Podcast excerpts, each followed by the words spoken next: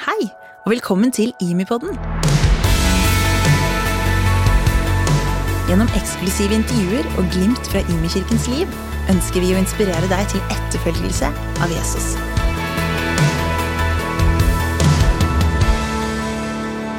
Velkommen til en ny utgave av Imipodden. Vi har en fantastisk episode foran oss. Eh, Dave Ferguson, en god venn, eh, er med på intervju. Vi skal få møte et flott vitnesbyrd fra Eivind Olafsrud. Du skal få møte eh, litt om Godhet Norge. Og med meg her, for litt seinere å snakke om Godhet Norge, men akkurat nå om noe annet, så har jeg Norunn Bakkebø. Norunn, er du glad for at sola skinner, og det er midten av mai? Jeg elsker sol og varme. Så ja, det er jeg glad for. Fantastisk. Og det er noe med når du bor et sted hvor det er litt manko på det, så blir du bare ekstra glad for det. sant? Eh, men eh, Norun, eh, du driver også og planlegger noe som skal skje når høsten kommer, og det er litt mindre sjanse for sol. Eh, for i flere år så har du leda turer fra IMI til Battle Church i Reading. Og til høsten så tar vi igjen med flere av våre ledere fra menigheten til en menighet som vi har lært mye av, og som har betydd en enorm inspirasjon for oss. Og denne gangen til en lederkonferanse hvor du også sammen med oss setter opp en tur som eh, hvem som helst kan melde seg på. Hvorfor, eh, hvorfor skal folk reise dit? Ja, Som du sier, så har jeg vært flere turer i Reading eh, og besøkt Battle Church. Eh, og for meg personlig så har det betydd mye. Eh, jeg møter noe der eh, som på en måte taler til ånden min, eller til noe inni meg, da. Og da når jeg opplever sånne ting, så tenker jeg dette her kan jeg ikke bare ha for oss sjøl. Eh, og du nevner at vi har tenkt å sette opp en tur. Eh, og ja, jeg tror at det kan være med på å forandre livet til alle de som på, reiser på en sånn tur.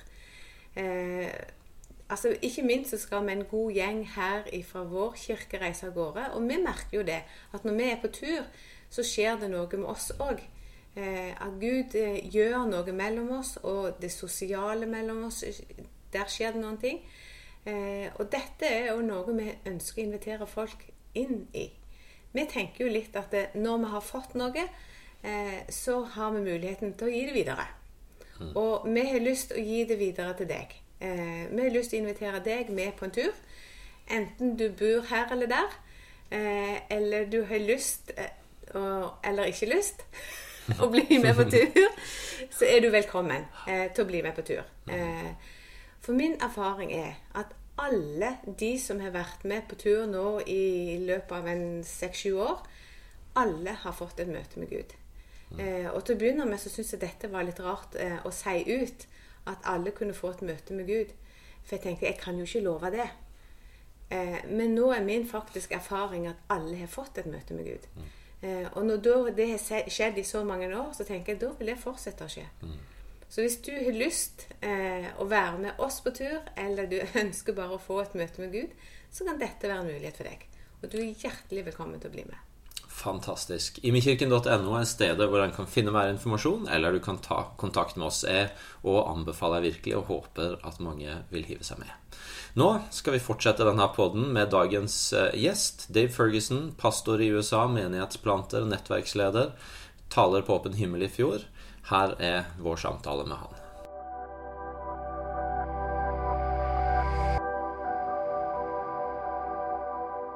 So we're we're here with Dave Ferguson. We're so glad to uh, have you on, Dave. Welcome to the EME podcast. Thanks, Alan. Good to be with you. So for those who who don't know Dave, he's a good friend of us. Uh, he's been visiting us several times, both here in Stavanger and at their summer camp uh, in uh, uh, south in Norway. Uh, uh, he is also the leader of Community Christian Church, uh, which he planted with some friends uh, in Ch- uh, Chicago suburb, and he is leading uh, perhaps the world's largest church planting conference, Exponential, and a church planting network called New Thing.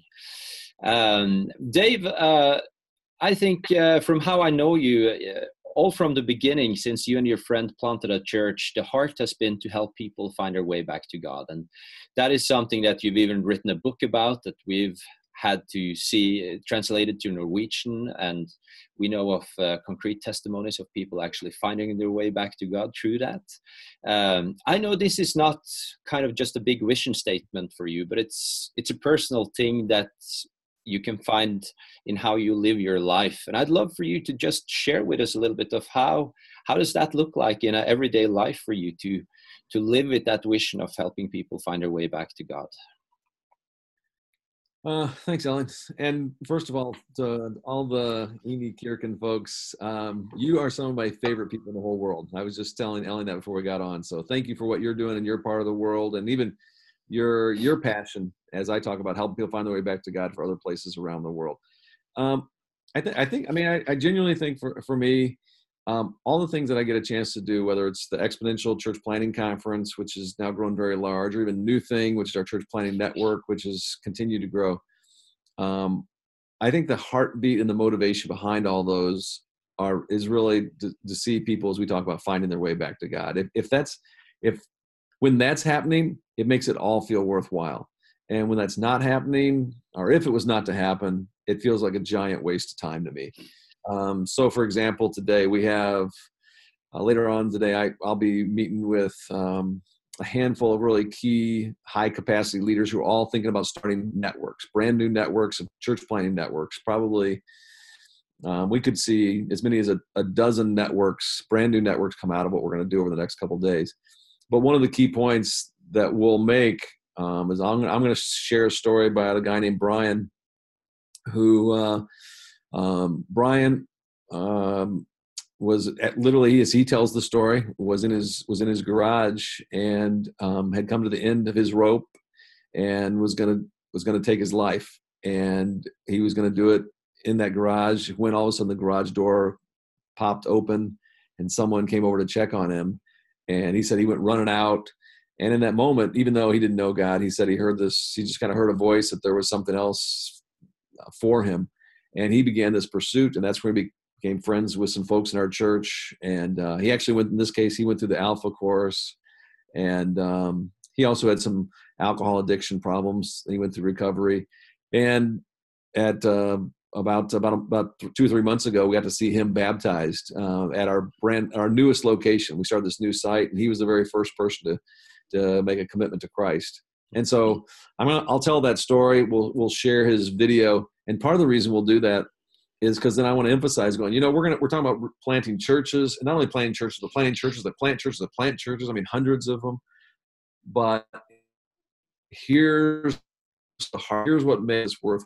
It's people like Brian, one person find their way back to God, and um, I don't know. To me, it's both something I believe theologically, but it's also something I think at, at almost at an emotional level um, that I, that that really that drives me. And I, I, think I think that I think I think it also as long as it's continue that's continue to drive me, I'm probably in a pretty good place. Hmm. And and I, one of the things that I um, appreciate so much with you, Dave, is that you are also very practical in the way you think and teach, and you live close to uh, the values you hold. So I know this is not something you just cast vision for, but it's something that you have practices for in your everyday life as a leader. Could you say something about how that looks like for you? Yeah, I mean, one of the things that that we teach at communities, we call them the blessed practices. And I know me and you have talked about those, those Ellen, the blessed practices. Maybe we can get back on sometime and and kind of go over those for your for your for your people. But part of my expression of using these blessed practices is I, I, I try to journal on a on a daily basis, and even in my journal, um, I'll have a list of uh, anywhere from a half dozen to a dozen people that I'll write their names. And part of the blessed practice, the B stands for beginning with prayer, is I'll at the very least begin to, I'm praying for those people that are far from God. And um, then I kind of, and the, the rest of the acrostic is listen, eat, serve, share your story. It says bless. And so as I'm as I'm developing friendships, I mean genuine friendships with people who are far from God, I kind of use those practices to develop those friendships, and with a chance that I hopefully I get to share my story of how Jesus has changed my life. Um, there's uh, there's a guy here in town right now who um, who's um, a cross country and track coach who's actually one of uh, maybe one of the greatest cross country and track coaches in the United in American history, and he's recently started coming to our church and and so I've reached out to him because I share a passion for for for what he does because both my boys are distance runners, and we're going to get together for coffee and I know we'll talk about spiritual things and um, and so it, uh, yeah, I mean, it's it's something that I I do because it's a heartbeat. It's really important to me Hmm. uh, personally, but it's also something I think I do as a leader because I do want to see it reproduced in the lives of others. Does that make sense? Yeah, thank you. That's amazing. That makes a lot of sense, and it's practical and helpful for for us to listen into. I, we we talk a lot about in IMI the the merging of the the missional track, the Jesus mission of helping people find their way back to God, with the more uh, things of the Holy Spirit of seeing God intervene in our everyday life. Could be through a healing, a prophetic word, or or other expressions. And um, uh, I think we have many listeners who are curious on that, but doesn't necessarily know how to start walking into that part of of the spiritual life. I know you've you've you've been on a journey. You've taken some steps, and last autumn you you teach in your church about healing. Um, uh, could you tell us a little bit about what's been your journey on on this side of expressing the discipleship? Sure. Um, I mean, I think you at, at you guys have been kind enough to have me come over there and I think teach you uh, about some some ideas about multiplying and help people find their way back to God. But every time I'm there, I also, of course, learn a great deal from you and and Martin and the rest of your team. And candidly, I mean, you guys are further ahead on this by far than we are. And I feel like this is an area where where we're we're we're, we're really learning from you, and of course, I think from God's word and, and what Jesus taught us but yeah, I mean, one of the things we've been very passionate about, like we said, evangelism, help people find their way back to God for a long time. But um, I think some of the stuff regarding uh, power and signs, and in particular healing, is something that we're kind of just now starting to understand. And um, at, at, our exponential conference, uh, some of the you know leaders from it from EMI sat down with our staff and kind of began to teach us, and it was a it was great. It was really really great. And you guys do and I love the way you do it um, because you do it. I think you do it in a way that's consistent with the Bible, but it's not weird. Does that make sense? Yeah, yeah. It's so everyone can do it. So everyone, exactly right. I mean, I mean, obviously, if someone gets healed, that's pretty weird. but but the way you do it, and um, and so I've kind of taken that really back back to community, and I uh, kind of taught the same kind of thing, like no, this is something that, that God has for us, wants us to do. But don't try to put on some kind of show or make it strange so like others can't do it. And um, and I think we're gonna do it. We, so we did. We taught on it. Um, we did a whole. We did a we did a teaching on it, and uh, and we also one of the things we did at the end, of, and we we began to develop a, a more robust prayer team. And at the end, we had people say, "Hey, if you want to come forward for kind of whatever kind of healing prayer, we'd love to have you do it." And I know at our largest location, I think we had 150 or 160 people that we prayed for. I mean, like specific things Hmm. um, in their lives. Some of them were emotional, some of them were physical, uh, some were spiritual uh, healing, and we got a really good response from that. And and in a, and in a couple situations, there were things they're going like, "Wow, you can't really explain that outside of what God was doing." So thank you, thank you very much, and thank you. Amazing, and thank you for sharing. I'm, I'm, I'm not asking to get you to boast about us, but I'm asking because I think for many people it's about finding courage that this is something everyone can be on a journey on, and um, I'm really inspired to hear what you're sharing, and thankful for the journey you're on. The Well, I think- last, Yeah, I think one of the things that I'll just add is I do think that one of the things that's happened as a result of our relationship is so now people in Chicago and our church are much more spontaneously kind of going like, oh, well then, I mean, why don't I just stop and, and pray for them? And I think Hmm. you've helped us with this too. I don't think they feel the pressure to like to like do the stuff or whatever it is. It's kind of like, no, God does the stuff. We just pray, and that's been very permission giving. That's amazing.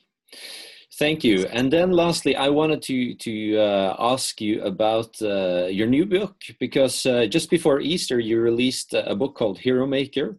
I'm almost done reading it. It's a it's a great book. Um, uh, and uh, and so much reflects what I think I've already met in in your life and learned from you. Could you could you share a bit about the heartbeat behind behind that book? Sure. Um, one of the things, I mean, in, in in in the North American context, and you'll have to kind of apply it um, to your setting there in Europe. In the North American context, we basically kind of see churches in four different or five different levels. There's Mm. kind of level one churches that are in decline. Level two churches, we call those, are plateaued. About 80% of all churches fall in those first two categories. Level three churches are churches that are growing. And about 16% of all churches in North America are really growing, kind of up and to the right. More people on mission this year than last year. Then you have this special category, level four, reproducing churches, which is, means they've ever started a brand new church or a brand new site. You know, and then you have level five, multiplying. And we only have about 4% of all churches that are in those top two categories. And so we began to look at all the leaders at the smallest level, maybe a missional community leader or a, a, small group leader, and then also at the senior level, like maybe senior pastors and leaders like yourself. What are the practices of those leaders in those level four, reproducing level five, multiplying churches? And we looked at the life of Jesus, we looked at his leadership, we looked at leaders today, and um, we had a whole list of those. We had a couple think tanks that came together on a couple different days. But basically, we boiled it all down to here's here's the five kind of five essential practices of leaders who lead reproducing and multiplying churches. And the bulk of the book is really dedicated to sharing those practices and then some of those those tools to help whether it's a missional community leader, a small group leader, or a senior pastor multiply leaders that then will multiply leaders. Mm and you got a really profound challenge that goes through all the chapters of the book which really is will i live to be the hero myself or to make someone else the hero? Um, yeah how how how did that came out as as uh, kind of the key thing in the book sure that's a good question well one of the things that as we began to look at trying to describe these leaders of reproducing multiplying church or leaders in those churches well, I think it was it was either, I think maybe either Dave Rhodes or Todd Wilson in one of those think tanks said, you know what they really are? These are people who aren't trying to be the hero. They're not trying to stand the spotlight, but what they're more interested in is how do they make heroes of other people. Hmm. And it kind of that phrase just stuck. You know, they're hero makers. Hmm. Um, one of the guys that's a mentor of mine, he he has a phrase that I've kind of I use a lot now, and you may have heard me say this too. But he'll say, "My fruit grows on other people's trees." my fruit grows in other people's trees and i think that's what how a hero maker thinks that they begin to look at all the people around them and they have this aha uh, that if i can do everything i can to make them the best leaders they possibly can be and teach them how to do that with other people that that is a better way for me to leverage my influence and make the biggest impact than if i just try to make it all about my own leadership and so that's what a hero maker does through others as opposed to trying to just be the hero. Wow, that's amazing. Dave, it's so good to talk, and there's a lot more I'd love to, to ask you about. Perhaps there will be another opportunity, but really, thank you for taking the time and join us at this podcast. Oh, my pleasure.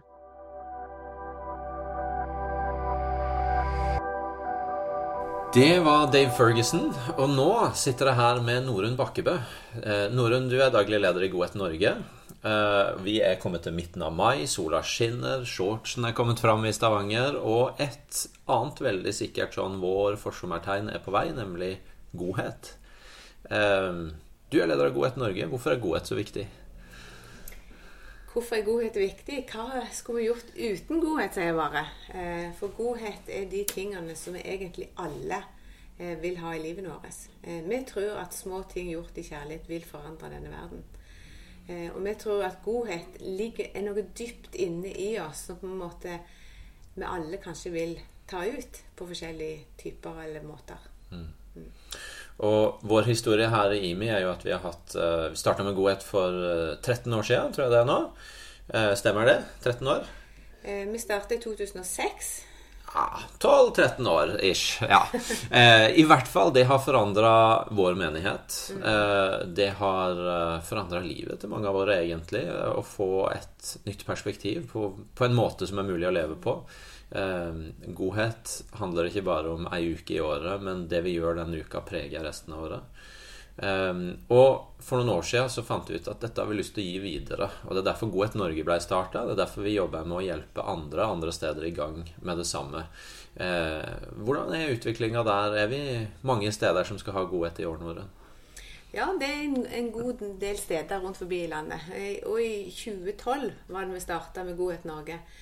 Uh, og det er som du sier, vi ønsker at eh, hele landet vårt skulle prege godhet. Ikke bare at eh, noe vi holder på med her i Stavanger, eller noe som bare kom ut av IMI, men dette er noe vi tror er for alle menigheter i hele landet vårt. Mm.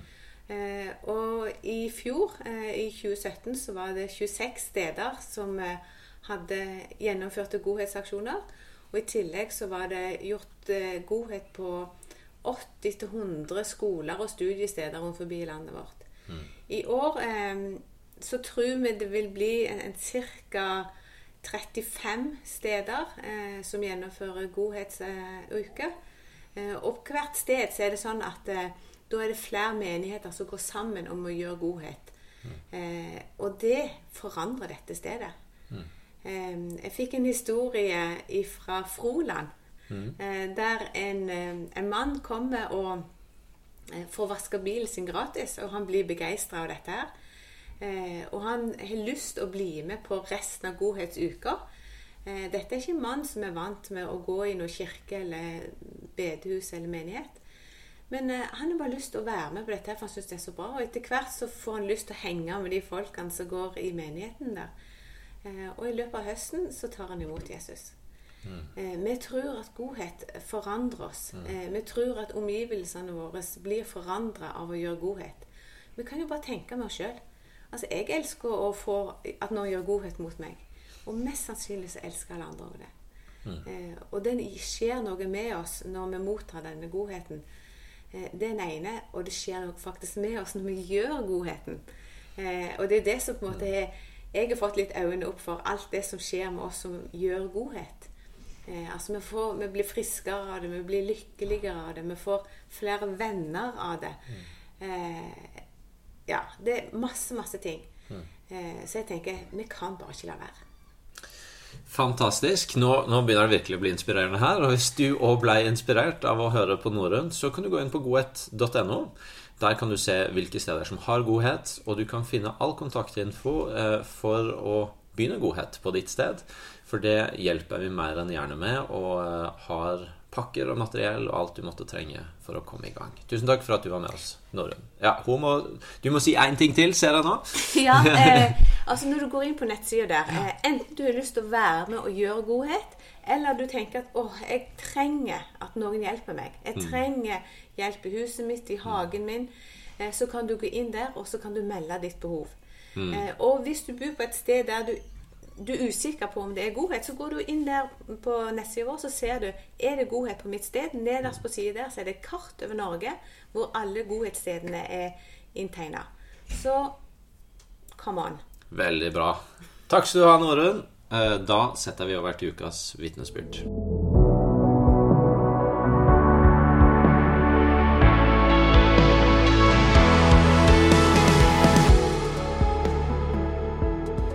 Også i denne utgaven av Imi-podden har vi lyst til å ha med et vitnesbyrd. Ofte så er vitnesbyrd eh, fortellinger vi har med om noe konkret eh, Gud eh, har gjort, grepet inn i. Men vitnesbyrd kan også være historier om valg mennesker har gjort, basert på en tiltale fra Gud, en ledelse fra Gud. Og i dag så har jeg med meg Eivind Olafsrud. Han var flere år en del av Imi-kirka her i Stavanger. Eh, bodde her og er en av de største sånn med mest tjenersinn som jeg har møtt, tror jeg. Både som ungdomsleder og tolk, og på flere forskjellige måter i vår menighet. Eh, Men for eh, et par år siden, Eivind, så reiste du til et helt annet sted enn Stavanger. Jeg- må korrigere meg sjøl. Jeg sa du var en del av IMI. Du er en del av IMI. Men du bor ikke i Stavanger lenger. Hvor bor du nå? Jeg bor på Papua Ny-Guinea, som ligger rett nord for Australia.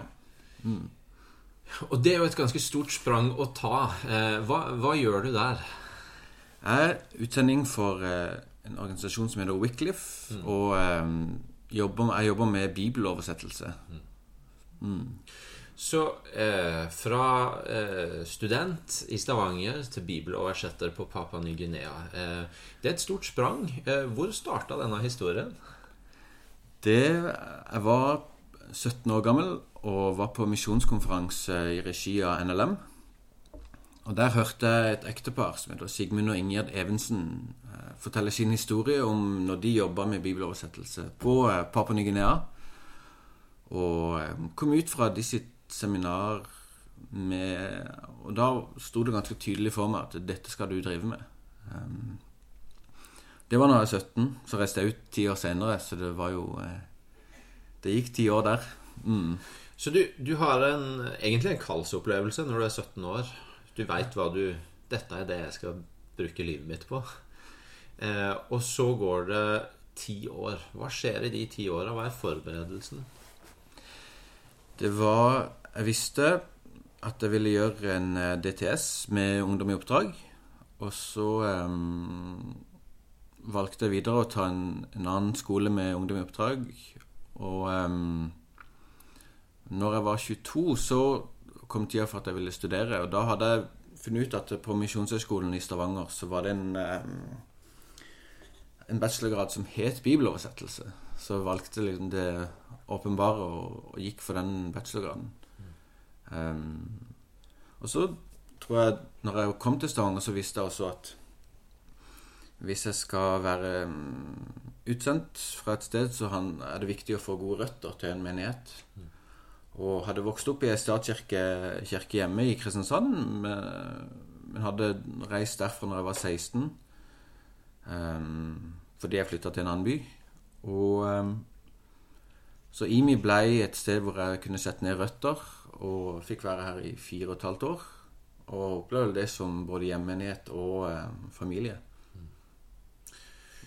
Dette syns jeg er spennende, fordi at i ei tid hvor vi, det er mange ting vi har lyst til å se umiddelbar virkning av, kanskje mer enn noen gang, så er jo for det første det å ha et tiårsperspektiv på å bli klar for det Gud har kalt deg til, det er jo mm. lenge. Eh, det å si at jeg trengte et sted å slå røtter, og bruke fire og et halvt år på det, er jo lenge. I mange unge menneskers eh, virkelighet. Eh, og så er altså det du reiser ut for, det å oversette Bibelen. Og det tar jo òg ganske lang tid. hvordan, mm. hvordan eh, er perspektivet ditt nå når du er der ute? Hva er det du på en måte drømmer om? Hva er det som, som hjelper deg ut å holde blikket på, på kallet og det du er sendt ut for å gjøre? Mm. Så vi jobber sammen med lokale kristne på, um, som bor i både landsbyer i jungelen og uh, kristne som bor i by i Papua Ny-Guinea. Og um, perspektivet mitt er sånn sett at jeg tror jeg skal være der lenge. En oversettelse kan ta alt ifra ti år av Nytestament, 10 år for å oversette Nytestamentet, helt til 43 år er vel kanskje det lengste jeg har hørt om at det har tatt. Um, men jeg ser nok for meg at um, prosjektet her kan ta fort 15 år. Mm. Um, det som driver meg, er jo stadig opplevelser av lokale papunyguianere som leser Bibelen på sitt eget språk for første gang. Mm. De har hørt det på sitt andre, tredje eller fjerde språk. Og mange har nok en, en viss forståelse av hva evangeliet betyr, men man jeg ser veldig tydelig det synker inn på en helt annen måte når de hører det på sitt eget språk. Mm. Mm. Kan, kan, du si noe om hvor, hvem Gud er for deg oppi dette? Altså, hvordan mm. opplever du at han, eh, når han har kalt deg, at han også leder og går med og gir det du trenger? Mm. Um, oi. Det er på veldig mange måter uh, at Gud Gud har først, først, først og fremst um, gitt meg en familie som heier på meg og har gitt meg en god og trygg oppvekst. Og har vært Jeg vokste opp uh, Min far døde når jeg var åtte år gammel. og Min mor var eneforsørger med sykepleierstilling og har vel opplevd Gud som en forsørger egentlig hele livet mitt. Um, på veldig mange måter, både i form av biologisk familie, men også menighetsfamilie og økonomisk. Og uh, når jeg reiser ut nå, um, så kommer lønna mi fra um, personlige støttespillere som tror på arbeidet med bibeloversettelse, som har lyst til å gi Bibelen til folk som ikke har den på sitt språk. Så um, Å oppleve en, en raushet fra veldig mange mennesker. Mm. Både i form av økonomi, men også forbønn, oppmuntrende ord, um, åpne hjem, måltider. Mm. Ja. Fantastisk. Eh, hvis folk hører dette og blir nysgjerrig, det, finnes det noen nyhetsbrev eller nettside eller et eller annet sted hvor de kan følge litt mer med på det du holder på med? Ja. Um, først og fremst så kan du gå inn på wycliffe.no. Det er wycliffe.no. Der finner du informasjon om organisasjonen jeg jobber for, og det vi drømmer om. Og um, skal vi se enkleste måten med kontakt Kanskje sende meg en uh, tekstmelding på uh, 4803 4812. 4803 4812. Da kan du få et nyhetsbrev. Mm. Yes. Eivind, eh, så glad for det du gjør. For at du har gitt deg sjøl til å la mennesker få erfare evangeliet og møte evangeliet på sitt eget eh, språk. Eh, og for den eh, modellen du er i å stå i et kall over lang tid. Eh, eh, vi er glad for å høre sammen med deg, eh, og for å være familie, og for at du tok tid til å snakke med oss eh, på disse, denne hjemmeoppholdet ditt før du reiser ut igjen. Takk skal du ha. Tusen takk. Og tusen takk til dere som har lytta på. Dette var alt for denne gang, men vi høres igjen i juni.